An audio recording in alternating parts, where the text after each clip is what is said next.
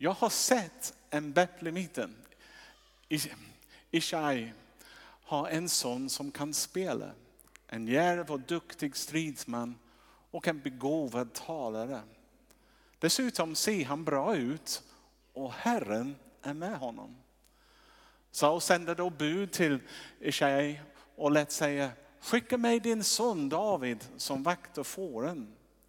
Då tog Ishai en åsna lastad med bröd, en lägel vin och en fyllning och skickade det med sin son David till Saul.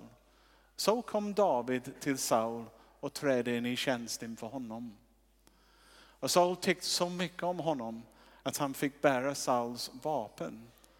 Saul sände bud till Ishai och lät säga, låt David stanna i min tjänst, för han har funnit nåd för mina ögon. När så anden från Gud kom över Saul brukade David ta harpen och spela. Då fick Saul lindring och blev bättre och den onda ande lämnade honom. Herren, vi ber din välsignelse över denna bibeltext och, och tala till oss. Jag ber igenom det. Amen. Ja, nu går jag tillbaka lite innan vi kommer till detta. Om David var bortglömd av sin far och bortglömd sina bröder. Han var aldrig bortglömd från sin himmelska far. Och det, tvärtom ska jag säga, Herren vakar över hela jorden för att se människor som har en odelat hjärta. Och han spanade in David redan som pojke och tänkte det finns någonting väldigt speciellt med denna kille. Och när han började leta efter någon som senare skulle bli kung över Israel, det var David hans blick gick till. Och eh, Gud plockade ut honom från alla andra. För Gud ser förbi alla prestige, han ser förbi kläder, han ser förbi utbildning, allt annat. Han ser rakt in i hjärtat och vet vem vi är och vad vi står för. Gud skickade iväg sin eh, högste tjänare på, på jorden, överste prästen Samuel, eh, för att smörja en kung över Israel. Och när, när Samuel får, får befallning att gå till Ishaias familj och då han kommer han se alla de här resliga män som är fin och stark och mäktiga på olika sätt vanliga människor skulle bli imponerade av. Gud bara förkastar en av dem. Och eh, till slut, han frågar Ishaya, är det, man kan läsa Bibeln, och han frågade honom, är det här alla pojkar du har? Han svarade, den yngste är kvar, men han vaktar fåren. Då sade Samuel till Ishai, sänd bud och hämta honom, för vi sätter oss inte förrän han har kommit hit. Ja, med Guds hjälp lyckades Samuel göra någonting som vi har väldigt svårt för. Han kunde se igenom den yttre fasad som vi har och se rakt in. Han hade vandrat med Gud tillräckligt länge, vandrat med honom för att se att Guds värderingspaket är inte samma som alla andra människors värderingspaket. Samuel hade umgicks med Gud så mycket så han visste egentligen vad Gud var ute efter. Och kunde faktiskt skilja det på det sättet. Eh, och David skulle bli faktiskt den bästa kung Israel någonsin har haft. Så, men nu är vi tidigt, tidigt ut i Davids liv. David egentligen är bara 15 år gammal när denna berättelse skrevs. Låt oss försöka ställa oss hur det måste vara för David. Och hur, man säger, hur, hur var det att ställa oss i hans? Han var den yngste, bortglömd som vanligt. Den topp Guds man i landet skulle komma och besöka och min pappa har inte ens bjudit mig in på festen. Hellre bara, bara gå ut och, och jobba. Han räknas inte som den inre kretsen av familjen. Och han var ute och vaktade och få som vanligt. Inte den mest spännande jobb. Mycket ensam, många långa nätter. Eh, farligt ibland också, blött, kallt, vad, vad det är. Det var hans liv. Och livet började som vanligt, han var ut och vaktade och for. Sen plötsligt, han tittar upp och här ser jag en man springande fram till honom. Som säger, David, följ mig. Du måste hem till pappa nu på en gång. Och han får lämna sina få och gå och springa tillbaka och kommer till, in i huset svett. Man skulle säga, de som vaktade fåren luktade inte den bästa. De var inte den mest finklädda heller. De har varit ut med djur, ute i marken och sånt. Och det, det var så bråttom att han förmodligen inte ens fick duscha eller, eller göra sig i ordning. Det var bara rakt in och han står där mitt bland fina folk. Den finaste folk som man kunde samla. Alla sina bröder med sina fin präktiga kläder och dräkter och sånt där. Och han står där. Och sen kommer en gammal gubbe med skägg och häller ut en full flaska olja på huvudet honom och säger jag smörjer dig till kung över Israel. Och han upplever Guds närvaro rakt igenom sin kropp. Och han ande var där. Egentligen när du smörjas till Gud, du, du, du avskiljas. Du skiljas till tjänst. Du helgas för en av de mäktigaste uppgift. Och den lilla pojken, 15 år gammal, genomtäckt i olja med Herrens välsignelse över sitt liv. Börjar fatta kanske att livet kommer inte bli som vanligt. Eller? Får jag säga eller? Vad gjorde David då? Gick han ut och berättade för alla, nu jag har smort till kung? Nej, det gjorde han inte. Vad gjorde han? Eh, gick han ut på turné och förklarade för alla vad, vad, vad Samuel hade gjort för honom? Skrev han en bok? Eh, Blev intervjuad av Skavlan om hur det upplevdes att vara så. Köpte han en ny vagn? Eller kanske gick ut och köpte en krona som han skulle sätta på huset. Skaffat sig ett nytt hus. Eller kanske införa en ny rangordning hemma. Nu killen. Det är jag som ska äta frukost först. Det är jag ska ha den finast. Ni ska nu börja följa följ, följ den riktiga ordningen. Det är jag som är först. Inte er. Gjorde han så? Nej, han gjorde inte det. Och det är lite grann som redan då visar sig vad finns här inne i hans hjärta. För det står där, en av tjänarna svarade, Betlehemiten Ishai har en son som kan spela och jag älskar denna beskrivning. En djärv och duktig stridsman, en begåvad talare. Han är bara 15 år. Dessutom ser han bra ut och Herren är med honom. Och Saul sände bud till Ishai och lät säga, skicka mig din son David som vakter fåren. Och så fort detta hände, denna stora stund i hans liv, han återvände direkt efter till vardagen. Ingenting hade förändrat i hans liv egentligen på utsidan. Eller om du hade tittat på hur han lever sitt liv på något sätt. Det var samma David före och efter med samma arbetsuppgifter.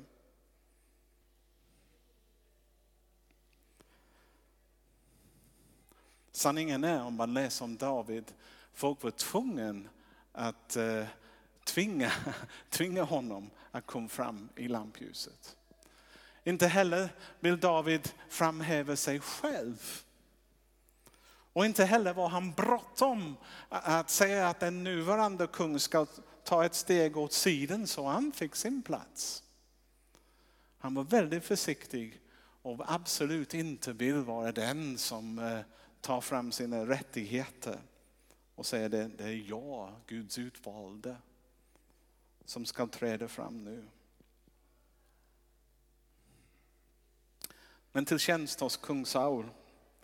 Saker och ting hade blivit mycket värre för Saul. Nu är det en jobbig text här, för det står att flera gånger att Herren skickar en ond ande. Och man tänker, oj vad gör vi med sådana texter? Men det finns flera förklaringar om du läser dem. Men, men en av dem är också att det finns en progressiv uppenbarelse i Bibeln och i den gamla testamentet, många av de böcker, det fanns ingen uppfattning att det finns en onde på det sättet som personer. Det är bara när Jesus kommer och förklarar hur det är.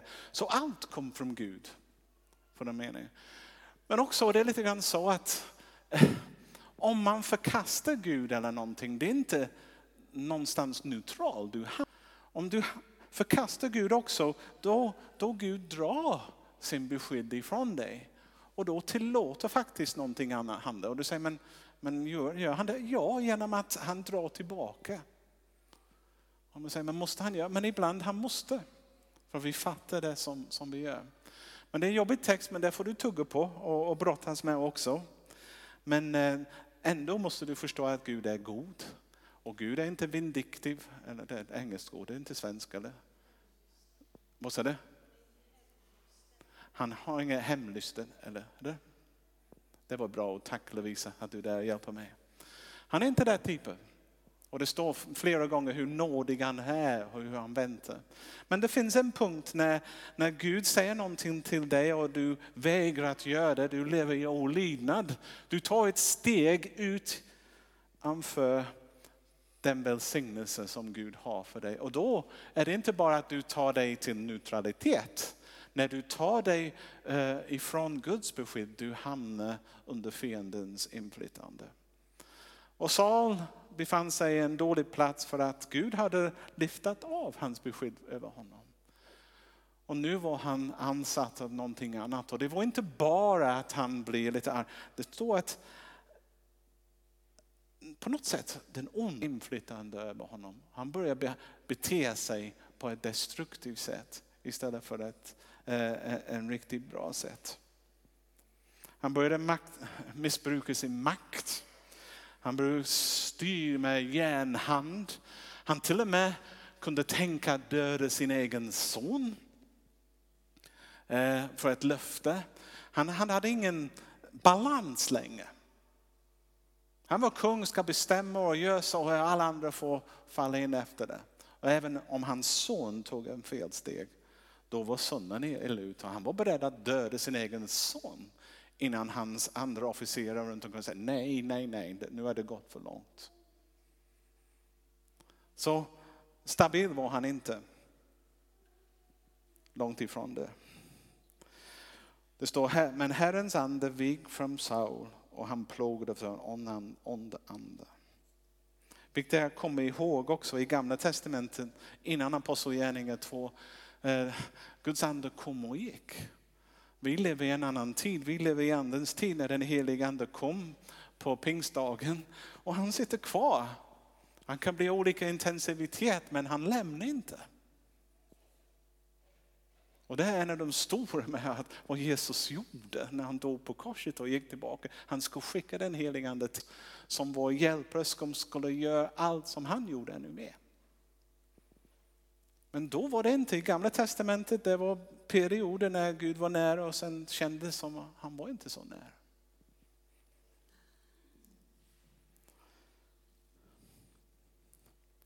lite senare man kan också märka att på grund av denna erfarenhet att David hade att jobba med en sån som man, som han såg konsekvensen av vad hände när Gud drog sin ande ifrån sin smorde?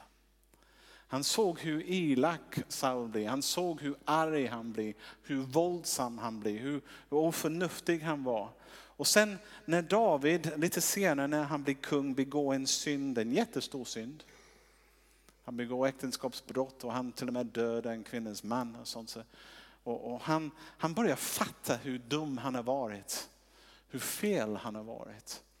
Och han, han ber en bön som man kan ta tillbaka till den här perioden när han var Saul Vad är det som ber? Han ber, skapa i mig Gud ett rent hjärta och ge mig på nytt en frimodig ande. Förkasta mig inte från din ansikte och ta inte din heliga ande ifrån mig. Han visste vilket liv inte honom om det skulle ske. Och han söker Guds förlåtelse och förlåtelse kom faktiskt. Och Gud tog inte sin ande ifrån honom. Och David faktiskt fick fortsätta. Men han säkert tänkte, nej, nej, nej, jag kommer bli som Saul. Och gjorde det. Saul gjorde Gud så bedrövad att han drog tillbaka sin ande. Och det var ännu värre var, var än tomheten. Bara att leva ett liv när du är van att ha Gud nära och sen plötsligt han är inte där. Den tomheten är någonting att säkert många känner också när de vandrar lite längre bort från Gud. De känner som, det är inte som det var tidigare. Men det är ännu värre när den, den närvaro av Guds frid och kärlek ersätts av en närvaro av hat. När någonting ont kommer in istället. Som vi sagt, vi lever i apostelgärning efter apostelgärningar 2. Vi kanske inte kan erfara det på det sättet. Men det kom till en punkt när Saul kunde inte längre dölja att Gud var inte med honom. Han, han, hans liv hade, hade gått värre och värre. Och, och nu alla, även de som jobbade med honom, märkt att det finns en avsaknad välsignelse över hans liv. Det som han hade en gång i tiden, det som Gud gav honom tidigare, det fanns inte där längre. Och de började komma tillsammans och tänkte, vad, vad, vad ska vi göra, hur kan vi hjälpa honom? Och de visste vad han behövde vad var mer av Gud i sitt liv. På något sätt mer av Guds närvaro i hans liv igen. Det är den enda lösningen för dem också. Att det skulle ske. Så han kände att visste var de skulle få den hjälp också. Och för mig är det märkvärdigt att, att David fick sin första tjänst i kungahuset på grund av hans förmåga att tillbe Gud och framkalla hans närvaro. Det var den egentligen främsta siffra, syfte att de kallade honom. Att han plockades upp från att vara lite herde för få och kom in i kungens hus. Den förmåga han hade att tillbe Gud och förvandla en atmosfär och komma med frid och kärlek av det. Vilken gåva! Och det kanske var för han blev så bra kung. För att det var den förmåga han hade. Den, den hade han lärt sig tidigare, många tidigare hur det var. Har ni inte tänkt hur ofta Gud plockar saker och ting tidigare från ditt liv också? Han använder lite senare. David, jag kan tänka mig många gånger han var ut på natten, ut på farliga platser ensam. Med bara massa få. Och det står faktiskt att han har bekämpat en lejon, en björn och olika saker. Han var ut mitten på natten och han kände sig orolig. Han säkert kände sig lite ångest, ensamhet. Det var där han lärde sin kraft. Han lärde sig ganska tidigt att om jag plockar fram harpen eller plockar på en instrument, han kunde börja sjunga till Herren. Och när han sjöng till Herren, på något sätt rädsla minskade, ångest försvann och frid kom istället. Så det var en vana som han hade när han var ute ensam eller lite orolig. Och sånt. Istället för att göra annat så han vänder sig till Gud väldigt lätt när man är ute på sjön och tänker, ja du är stor. Och började tillbe honom. Och sen fick han uppleva också den inre styrka för att fortsätta göra det som han gjorde utan att stös. Och det var den egenskap som han hade lärt sig på de tuffa platser som han tar med sig nu i kungahuset för att förvandla en skrämmande miljö, en tuff miljö till någonting som är behagligt och fridfullt. Och när han kommer och han börjar spela då förvandlas atmosfären. Och till och med Saul märker det. Nu, nu, nu går vi tillbaka. Nu, han tänker nu, nu, nu, nu mår jag bra. Även om det finns en kamp i det. Det finns till och med, vi kan läsa om att, att Saul, där han, David spelar för Saul och Saul plötsligt blir arg och tar en spjut och slänger det på David. Han vill döda honom. Det är en kamp Ondskan vill inte ha Guds närvaro. Ondskan vill inte ha någon tillbedjan egentligen. Och när man öppnar upp sig till det kommer du användas av önskan för att kasta spjut på dem som gör det.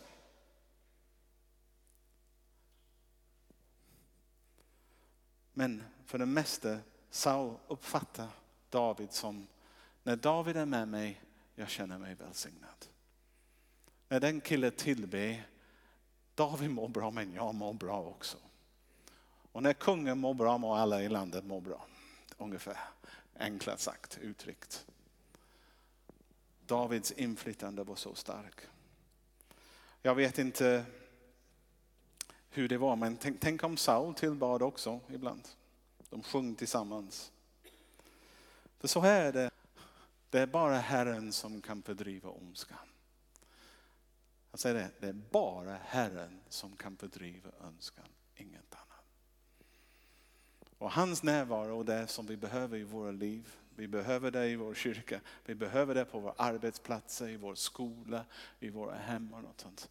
Det är det som är svaret till alla de problem vi har. Och tillbedjan, det finns alltid en kamp runt omkring det. Fienden vill inte att vi tillber. Vad gör vi när vi börjar känna oss lite ångest eller lite deppig eller lite rädd eller något? Vi, vi går och sätter på tv, eller hur? Och ser vad finns på Netflix. Ta, ta, eller, eller vad ska jag göra? Gå, man, man går och äter någonting. Eller, jag vet inte. Vi, vi, vi, vi hittar olika utväg för att försöka få en snabb belöning som tar vår fokus ifrån det som är jobbigt så vi börjar må bra igen.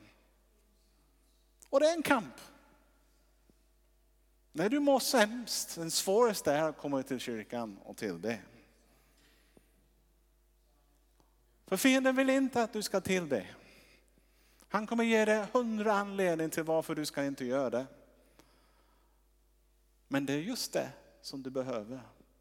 För det, då får du fokus på rätt ställe igen.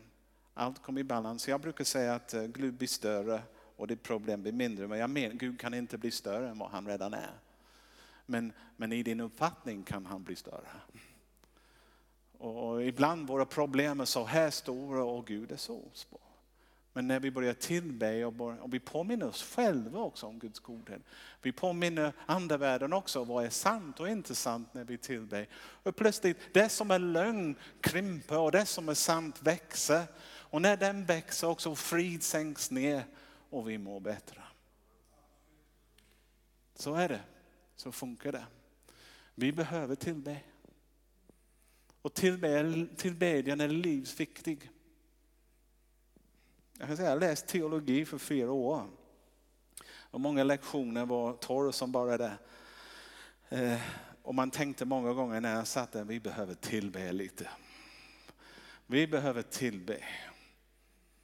Någonting annat behövs. Det, kunskapen dödar, tillbedjan ger liv eller någonting. Fokus igen på, på, på Gud och vem han är. För när man gör det, man, man känner som någonting kommer i liv. Jag kan också säga mitt eget liv.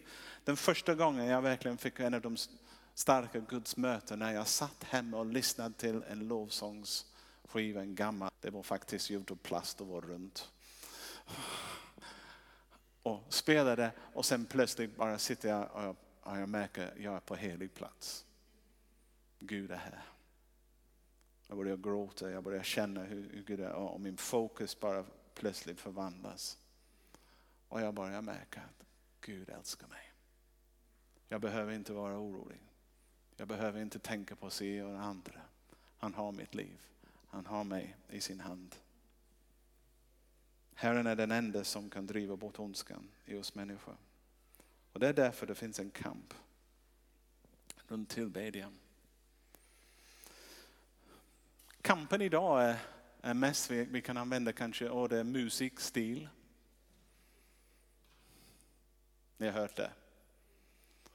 Och vi kan klaga, jag ska säga en sann Guds man och en sann Guds kvinna kan tillbe Gud under vilken musikstil som helst.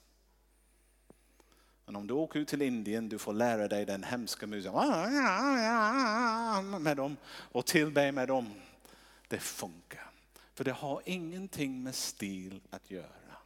Ingenting med låtval att göra, men har allt med ditt hjärta att göra. Och det finns en kamp. Så, så fienden även i en församling för att se att tillbedjan ska inte äga rum. Eller det ska vara bråk över de saker istället för frid. Så jag kommer tänka avsluta med en liten påminnelse varför sång och musik och tillbedjan genom musik är så viktig. Jag har skrivit här så jag vill läsa för ibland man sitter lite länge och formulerar några ord och man vill inte säga dem fel. Sången och musiken som David sjöng och spelade fyllde Sauls hjärta och dämpade hans ångest. Senare skulle samma sånger fylla Guds nedskrivna ord. Och eventuellt även fylla våra hjärtan. Jag undrar ibland om David tänkt på det någon gång att även 3000 år efter hans död kommer folk i Sverige sjunga hans psalmer.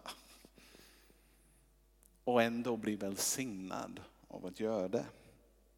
Tänk om Stims kunde komma på det och tänka hur, hur mycket pengar de kunde dra från det. Martin Luther, han som ledde reformationen, han sa så här. Martin Luther trodde att reformation inte var komplett tills alla kristna hade en bibel och en psalmbok. Han trodde nämligen att bibeln kunde leda oss till ett djupare förståelse av Gud och psalmboken skulle hjälpa oss tillbe och ge uttryck för den glädje och tillfredsställelse den tron gav. Intressant. Om du har ett odelat hjärta och du tillber, du kan klaga och tillbe. För den viktigaste med tillbedjan, vem är fokus av den som du sjunger till? Och om Gud är din enda agenda, hans vilja i sitt liv, då faktiskt när du sjunger till honom, du kan faktiskt klaga lite som David gjorde ibland i sin psalmer och säga åh livet är tufft och sånt. Han sätter fokus till Gud, även med det som är jobbigt. Och det kallas tillbedjan. För att du gör det till Gud. Med tanke på att det är Gud som kan, den enda som kan förmå ändra det som behöver ändras. Och ge livet det som vi måste få. Så är det. Bägge två behövs. Du kan läsa din bibel och växa som kristen men du måste lära dig att tillbe. Och tillbedjan, okej okay, du kan göra det många sätt. Du, du skulle sjunga. Nu jag ska säga till er, ni svenskar är udåligt att sjunga. Nu kan vi, vi tar igen nu efter fotbollsförlusten igår. När jag kom till Sverige, jag var chockerad hur man kan sitta i kyrkan och alla bara står där. Mm. Inte sjunga. I England, många lovsångsteam, de har det regelbundet. De slutar spela bara för att låta alla sjunga, lyssna till dem. Vi kan inte göra det i Sverige, det är ingen som sjunger. Man måste ha amp på fullt. Och Ni sitter och tycker det är kul. Det är inte kul, det är dumt. Patetiskt till och med. Att inte hänga med. Och jag undrar vad Gud tänker ibland när, när folk ska sjunga lovsånger. Har du sett det när man tittar, de gör inte det nu, man tittar på tv. Stackars kam, kamerateam, de måste kämpa för att hitta någon som sjunger när de går runt i publiken. Ska vi vara så här också? Jag, jag, jag sjöng här med, med Benjamin. Benjamin, du ska stå bredvid Benjamin när han sjunger. Det är en upplevelse. Jag brukar skoja med honom. Han har en annan ton än alla oss andra. Men det är härligt, det spelar ingen roll. För tonen egentligen har sin ursprung i hans hjärta. Och det är det som Gud ser. Och jag, jag önskar av hela mitt hjärta i Sverige, vi ska inte försöka vara till att sjunga. Det ska vara mer sjunga ut och bry oss inte vad andra tänker runt omkring oss. Jag tror vi ska må bättre för det. Vi skulle må mycket bättre. Ja. Ni tar fotboll, jag tar den poäng. Och sen, sen vill jag säga till er, har ni prövat att sjunga i din andaktsliv? Många människor de läser, de lär sig tidigt att läsa Bibeln och, och be. Men jag, jag ska säga, har du börjat sjunga? Pröva. Pröva det. Det kanske är det den nyckel som du behöver för att få ett bättre fokus och en närmare vandring med Herren. Tänk på det. När du gör det. Och om du inte kan sjunga, sätt på en, en låt eller någonting. Inte bara som bakgrundmusik. Det är lite, jag vet. Och vad säger du Andrew? Ibland är det lite för helig att ha som bakgrundsmusik. Om man tänker på texterna ibland. Man vill inte att det ska bli eh, bakgrundsmusik. Man vill spara det så att det kommer på riktigt. Och man kan spela andra saker som bakgrundsmusik. Men medvetet lyssna till en låt lika mycket, eller en psalm, eller en låt lika mycket som du läser Guds ord och du ber. Och då börjar vi få en helhet i vår vandring med Gud som kommer ge avkastning. Och det är ingen slump att den största boken i Bibeln är fylld av sånger till Herren. Alla sorts sånger, även de som reflekterar över olika tuffa situationer också. Och vår umgänge med Gud möter sin högsta punkt i tillbedjan. När vi ger honom den ära. När vi lovsjunger. Ska vi göra det? Vi kanske kan ta en liten, kan vi tillbe innan vi firar nattvarden. Och nu, nu förväntar jag mig att ni sjunger, ni kan inte vara tyst nu. Eller? Och det spelar ingen roll vilken låt hon väljer, jag kommer att sjunga den.